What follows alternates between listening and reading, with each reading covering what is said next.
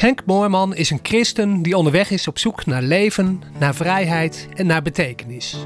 En dan wel concreet gemaakt voor het leven van hier en nu. In deze podcast beluister je preken van hem, waarin hij graag met je deelt wat bijbelteksten hem hierbij te zeggen hebben, wat hij in zijn eigen leven heeft ontdekt en wat hij van anderen heeft opgestoken. Laat je inspireren bij je eigen zoektocht en ervaar de vrede van God. Wil je contact opnemen? Mail naar hcmoorman.outlook.com.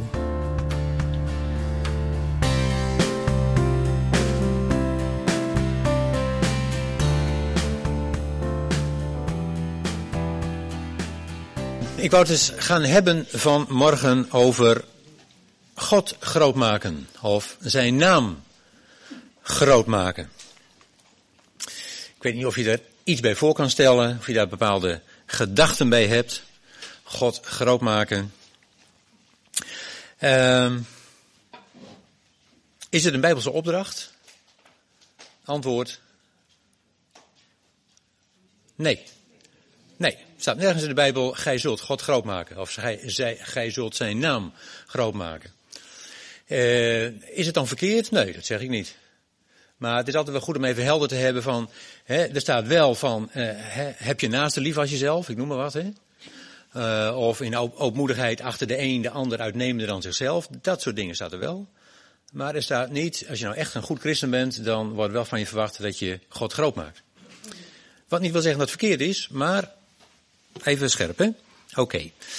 Um, het komt ook maar zelden voor, als je de Bijbel erbij pakt van hoe, ik heb het in het Nieuw Testament eens nagekeken, je komt er drie keer tegen dat iemand zelf zegt, uh, ik, ga God, ik maak God groot. De eerste keer is uh, Maria, na de aankondiging dat zij een, een, kind zal krijgen, Jezus uiteindelijk. Hè?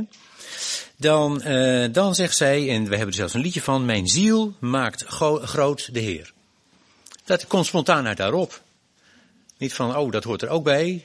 Na zo'n boodschap moet ik God groot maken. Nee, dat, dat wordt spontaan, eh, welt dat in haar op. Mijn ziel maakt grote Heer. En een hele hoop mensen denken, nou ja, als ik dan God ga groot maken, dan moet ik zeggen dat hij groot is en dat hij geweldig is en dat hij fantastisch is en dat hij nog groter is en dat hij, nou, nog steeds meer superlatieven. Maar ja, wordt hij daar groot van? Nee, je zegt alleen dat hij groot is. Annelied heeft het er laatst ook al eens over gehad, hè. Uh, dat is iets anders dan groot maken. En dat weet Maria ook, want zij volstaat niet meer te zeggen, mijn ziel maakt de Heer groot. Zij zegt ook hoe en wat. Hij heeft machtigen van de troon gestort. Eenvoudigen heeft hij verhoogd. Hongerigen heeft hij uh, vervuld met goederen. Rijken heeft hij leeg weggezonden. Hij heeft zich Israël zijn knecht aangetrokken. Om te gedenken aan barmhartigheid enzovoort enzovoort. Dus zij vertelt er ook bij waarom zij vindt dat God groot is. Waardoor. Andere geschiedenis, ken je ook wel, zonen van Skevas. Uh, Sevas, hoe je het maar zeggen wil. Dat zijn een paar rondzwervende wonderdoeners daar in die tijd. En uh, het lukte niet zo erg met hen. En zij zien daar Paulus, die in de naam van Jezus boze geesten uitdrijft, een zieke geneest, en dat werkt. En ze denken, oh, dat trucje kunnen we ook afkijken. Dus ze zeggen bij de eerste volgende keer dat er weer iemand bij hun komt die helemaal bezeten en helemaal gek is, van, oh, wacht even. Uh, nou gaan we het anders doen. Dus we zeggen, weet je wat, in de naam van de Jezus die Paulus predikt, zeggen ze tegen de boze geestige uit. Dan denk nou, dat moet werken, want bij Paulus lukt dat. Nee, dat lukt daar niet. En die vent die uh, zo bezeten is, die wordt zo die, die geesten zeg maken hem zo ongelooflijk kwaad dat hij gaat die mensen te lijven en hij rukt ze de kleren van het lijf en naakt en gewond uh, jaagt hij ze het huis uit. Nou, tegenvallen natuurlijk, geen goede PR. Um, en dan staat er ook dat de naam van de Heer Jezus werd groot gemaakt door de mensen die dat zagen. Nou, niet omdat die mensen uh, werden afgetuigd, mag ik hopen, maar omdat de conclusie was, maar de naam van Jezus heeft wel autoriteit. Als zijn naam gebruikt wordt, dan gebeurt er wel wat. Nou, dat is reden om die naam groot te maken. En je komt er nog een keer tegen bij Paulus, die ergens op een gegeven moment aan de Filippenzen schrijft, en volgens mij zat hij toen zelf in gevangenschap. Ik verlang ernaar dat Christus groot gemaakt zal worden in mijn lichaam. Geen hele verhalen erbij over wat God allemaal gedaan heeft. Ik verlang ernaar, ik hoop erop dat God groot gemaakt zal worden in mijn lichaam, in mijn leven. Nou, Daar praat je over als je het hebt over God groot maken, over zijn naam groot maken. Vertellen dus over de daden van God, wat hij heeft gedaan aan jou, hè, het liefst, niet heel abstract en algemeen, maar wat heeft hij in mijn leven bewerkstelligd, wat heb ik aan hem te danken. Dat is één, dat zie je bij Maria en dat zie je bij, eh, als het gaat om die mensen daar in de buurt van die wonderdoeners. En uh, laten zien wat God in mijn leven betekent. En als God, eh, Paulus zegt, ik verlang ernaar dat hij groot wordt gemaakt in mijn lichaam, dan betekent dat het aan mijn leven moeten zien wat God is, hoe hij is. En dat mensen dan zeggen, ja, inderdaad, God is groot. Want, hoe weten wij hoe God is? Hoe kennen wij zijn naam? Want zijn naam staat voor zijn wezen, hè? voor wie hij is. Hoe, hoe, hoe weten wij zijn naam? Nou, uh, door wat wij in de Bijbel lezen. Prima, maar wat lezen we in de Bijbel? Daar lezen wij weer over mensen die vertellen over wat God aan hen heeft gedaan. Daar lezen wij over mensen in wiens leven te zien is wat God aan hen heeft gedaan en wat God voor hen betekende. Met andere woorden, hoe weten wij wat Gods naam is? Hoe God is? Dat weten wij door mensen die iets met Hem hadden. En die daar uitdrukking aan gaven in hun bestaan. Zo weten wij hoe God is. Mensen aan mensen die iets, die met Hem verbonden hadden. En dat gaat om de grote namen natuurlijk van uh, Abraham en Mozes en David. Uh, maar dat gaat ook, zal maar zeggen, om, om de, de gewone mensen, als een Rut of als een Jona of... Ach, er zijn zoveel van dat soort voorbeelden in de Bijbel waarvan je zegt, dat zijn helemaal geen wereldschokkende levens geweest. Maar ze staan wel in de Bijbel omdat aan hun leven op een of andere manier zichtbaar is geworden hoe God is. En door dat leven te lezen, komen wij weer er een beetje achter hoe God dan is, hoe zijn naam is. Ja. Nou ja, en het, het beste boek wat dat betreft, de beste gelijkenis, is Jezus natuurlijk. Als je echt wil weten, zegt de Bijbel, hoe God is, moet je naar Jezus kijken. Niemand heeft ooit de Vader gezien, maar de enige geboren Zoon heeft hem doen kennen. Die heeft ons duidelijk gemaakt hoe God dan wel is. Nou, dat is een sleutel die moet je goed vasthouden. Want je komt in het Oude Testament nog eens dingen tegen waarvan je denkt, hè? En God die zegt, jongens, ik las toevallig eh, gisteren nog eens even een stukje door van de plagen van Egypte. Dan denk je, je zult toch zo'n God hebben? Als je niet naar mijn God luistert, dan gebeuren er allerlei vreselijke dingen en in uiterste consequentie uh, al je eerstgeborenen gaan dood. Dat is toch. Uh... Nou ja, en als je dan later in Jezus ziet, die zegt: Zal ik je God laten zien? Die laat zich slaan. Die laat zich vernederen. Die laat zich bespotten. Die laat zich uiteindelijk kruisigen. Hele andere God. Nou, daarom is die sleutel wel heel belangrijk als je echt wil weten hoe, Jezus, hoe God is. Kijk naar Jezus. Dat is het enige, uh, de, de beste gelijkenis, laat ik het zo maar zeggen. Nou, wij weten dus aan de hand van levens van mensen die met God verbonden waren, hoe God is. Zoals het hier in de Bijbel staat. En tegelijkertijd geldt, God is groter dan de Bijbel. Ja toch? God is dus ook groter dan al die Bijbelse verhalen over Bijbelse mensen en Bijbelse geschiedenissen. Ja.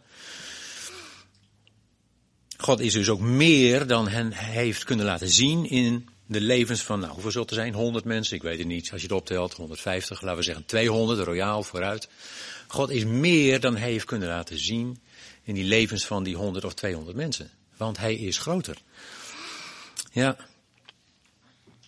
En zelfs geldt dat na de komst van Jezus, God zegt, niet zegt van nou, dat is hem helemaal, dat is mij genoeg.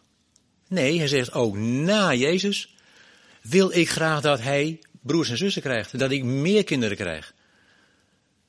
Die ook een gelijkenis worden van mij. Helemaal aan het begin, laat ons mensen maken naar mijn beeld, naar ons beeld en gelijkenis. Niet één mens, mensen. Ja. Want, is dus de conclusie, God zegt, mijn naam zoals hij tot nu toe zichtbaar is geworden en kenbaar is geworden, is nog niet af, is niet compleet.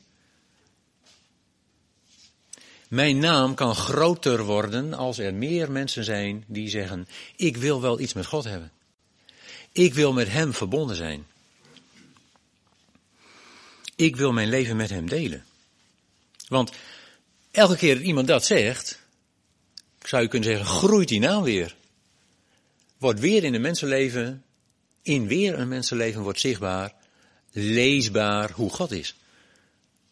En daarmee wordt zijn naam, wie hij is, weer een beetje groter. Groeit zijn naam. Telkens als iemand zich voor hem openstelt. Iets met hem wil hebben en daar uitdrukking aan geeft in zijn leven. Jullie kennen allemaal het verhaal van uh, de roeping van, uh, van Mozes, hè? Had er helemaal geen zin in. Maar ja, hij werd geroepen. Hoop uitvluchten. Nou, God heeft allemaal oplossingen voor die uitvluchten. Maar dan blijft hij nog zitten met het punt van ja, oké, nou goed. Dan kom ik straks bij dat volk. En ik ga ze vertellen dat uh, ik God heb gesproken en die heeft gezegd dat hij het volk zal uitleiden door mij, door Mozes.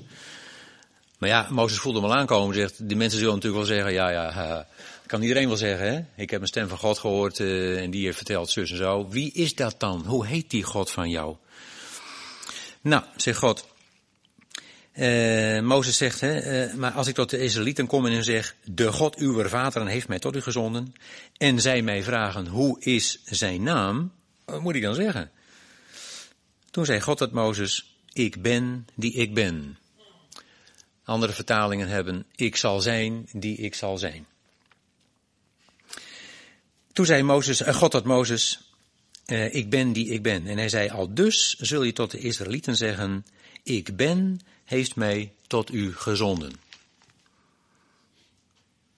En ik, nog even verder, dit was hoofdstuk 3, als je het naar wil lezen, vers 13, hoofdstuk 6. Voortsprak God tot Mozes en zei tot hem, ik ben de Heer. En daar staat, hier overal waar in je Bijbel staat Heere, daar staat in de grondtekst JHWH en dat wordt dan vertaald met ik ben die ik ben. Hè? Dus ik ben die ik ben. Ik ben aan Abraham, Isaac en Jacob verschenen als God de Almachtige. Maar met mijn naam ik ben, of ik zal zijn, ben ik hun niet bekend geweest. En ik denk dat dat voor heel veel christenen geldt. Uh, die kennen wel God, de Almachtige. Die kennen wel God die groot is en hoog en majesteit en die alles regelt en die alles beschikt. En die dus ook aanleiding geeft tot vragen, oh ja, en als God dan almachtig is, waarom laat hij dan toe dat in Haiti de boel instort en dat ze in Soudaan elkaar afmaken en, enzovoort enzovoort. Die God kennen ze wel, de Almachtige.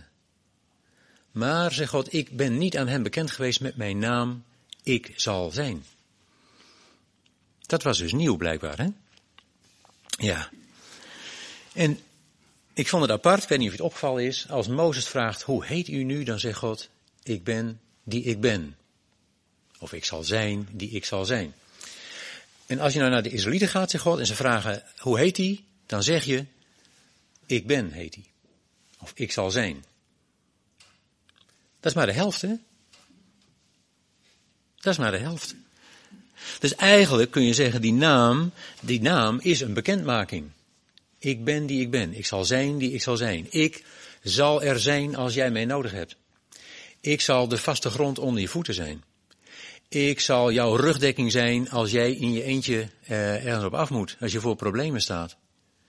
Ik zal de schuilplaats zijn uh, als je het niet meer ziet zitten. Als je in je eentje er niet uitkomt en aan het eind van je Latijn bent. Uh, ik zal zijn, nou, met jou in de benauwenis. Ik zal met jou zijn als er vreugde is. Ik zal, het is een bevestiging, hè, die naam. Het is een belofte. Maar, het is tegelijkertijd denk ik een vraag, want het is maar de helft, die naam. Als mensen vragen, en hoe heet hij dan?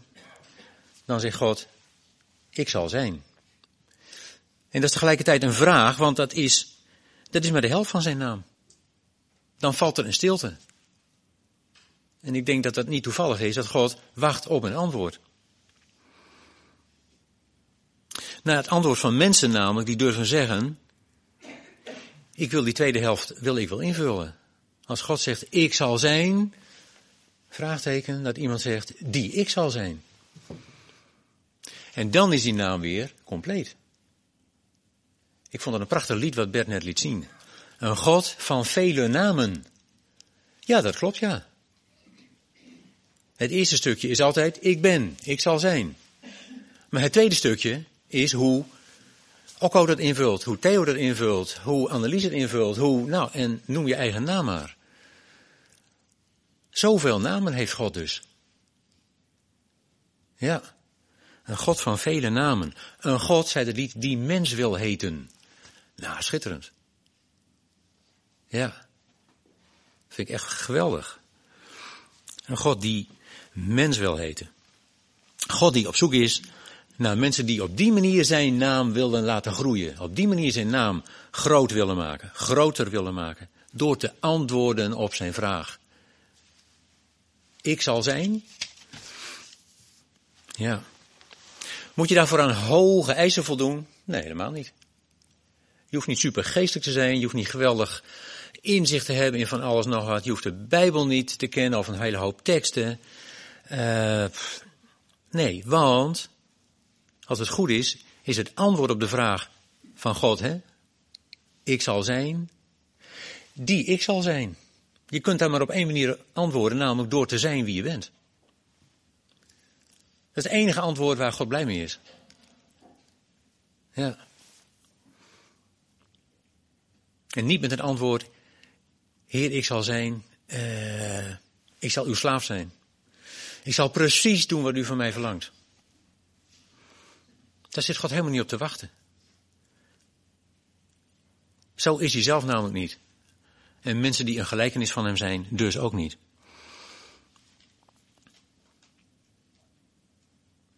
Nee, je kunt eigenlijk zeggen, de enige voorwaarde is dat je je voor hem openstelt.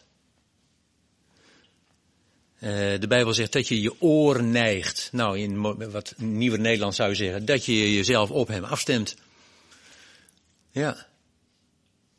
Dat je, dat je bereid bent om te luisteren. En niet dat er opeens stemmen gaan klinken, maar dat er wel in jezelf zekerheden ontstaan, gedachten bovenborrelen waarvan je weet, ja, die zijn niet van mezelf, die komen niet van mezelf, die zijn van boven. Ja. Nee, dus antwoord geven, uh, je met God verbinden, uh, heeft niks te maken met jezelf overgeven, jezelf opgeven. Nou, dat hebben we al heel vaak gezegd, dus daar zal ik verder niet op ingaan, maar dat is wel duidelijk. Hè? God houdt van mensen die leven naar hun aard. Hij zegt het van de dieren al. God heeft allerlei levende wezens geschapen naar hun aard. Nou, dan kun je maar één ding doen. Uh, leven naar je aard.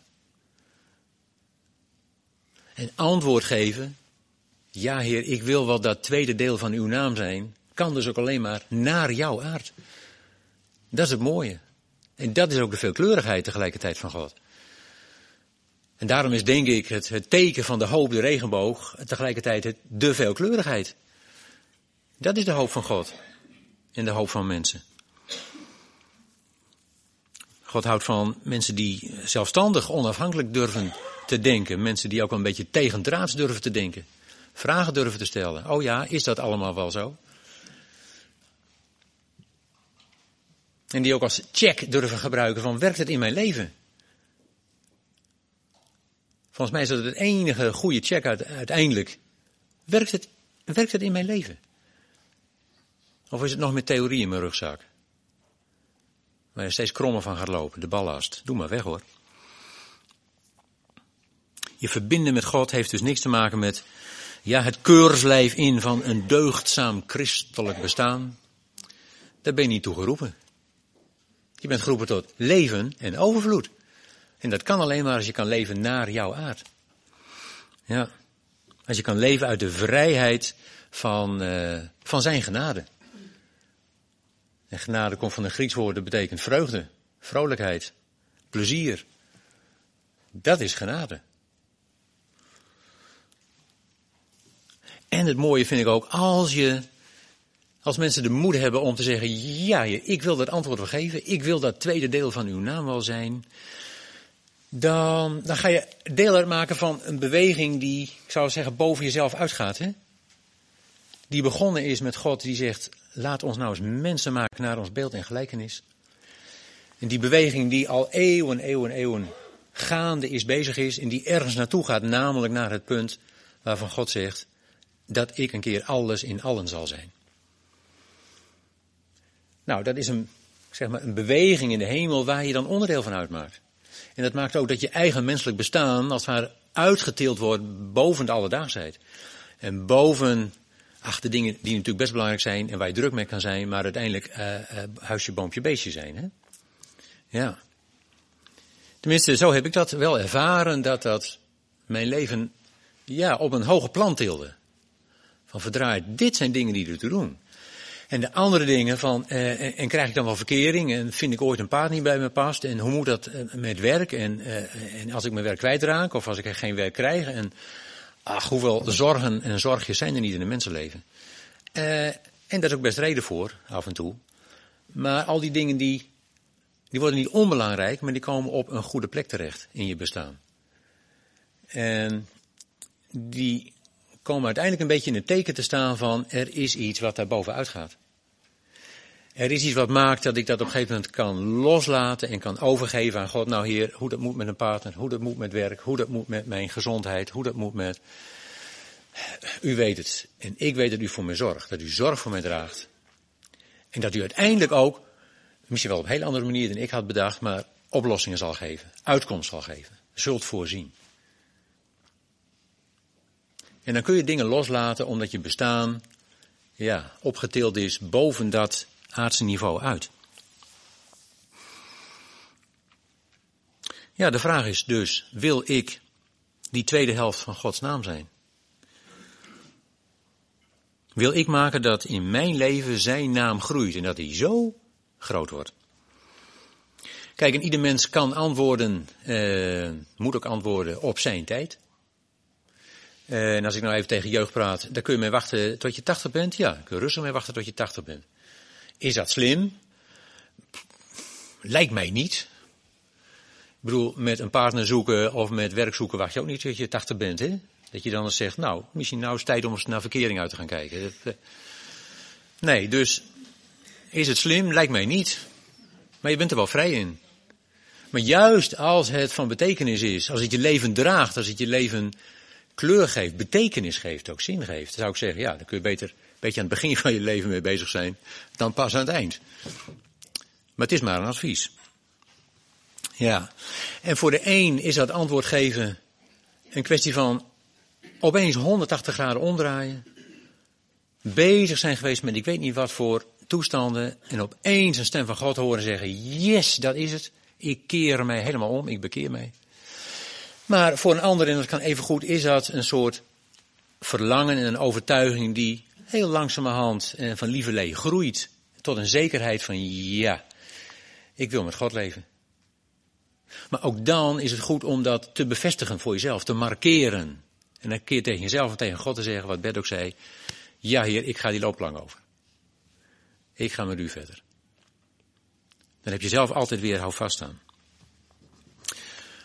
Kortom, de vraag van God is, ik zal zijn.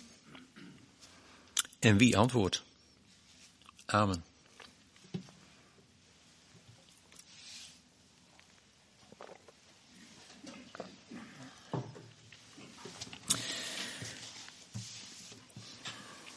Goed, zullen we bidden? Vader,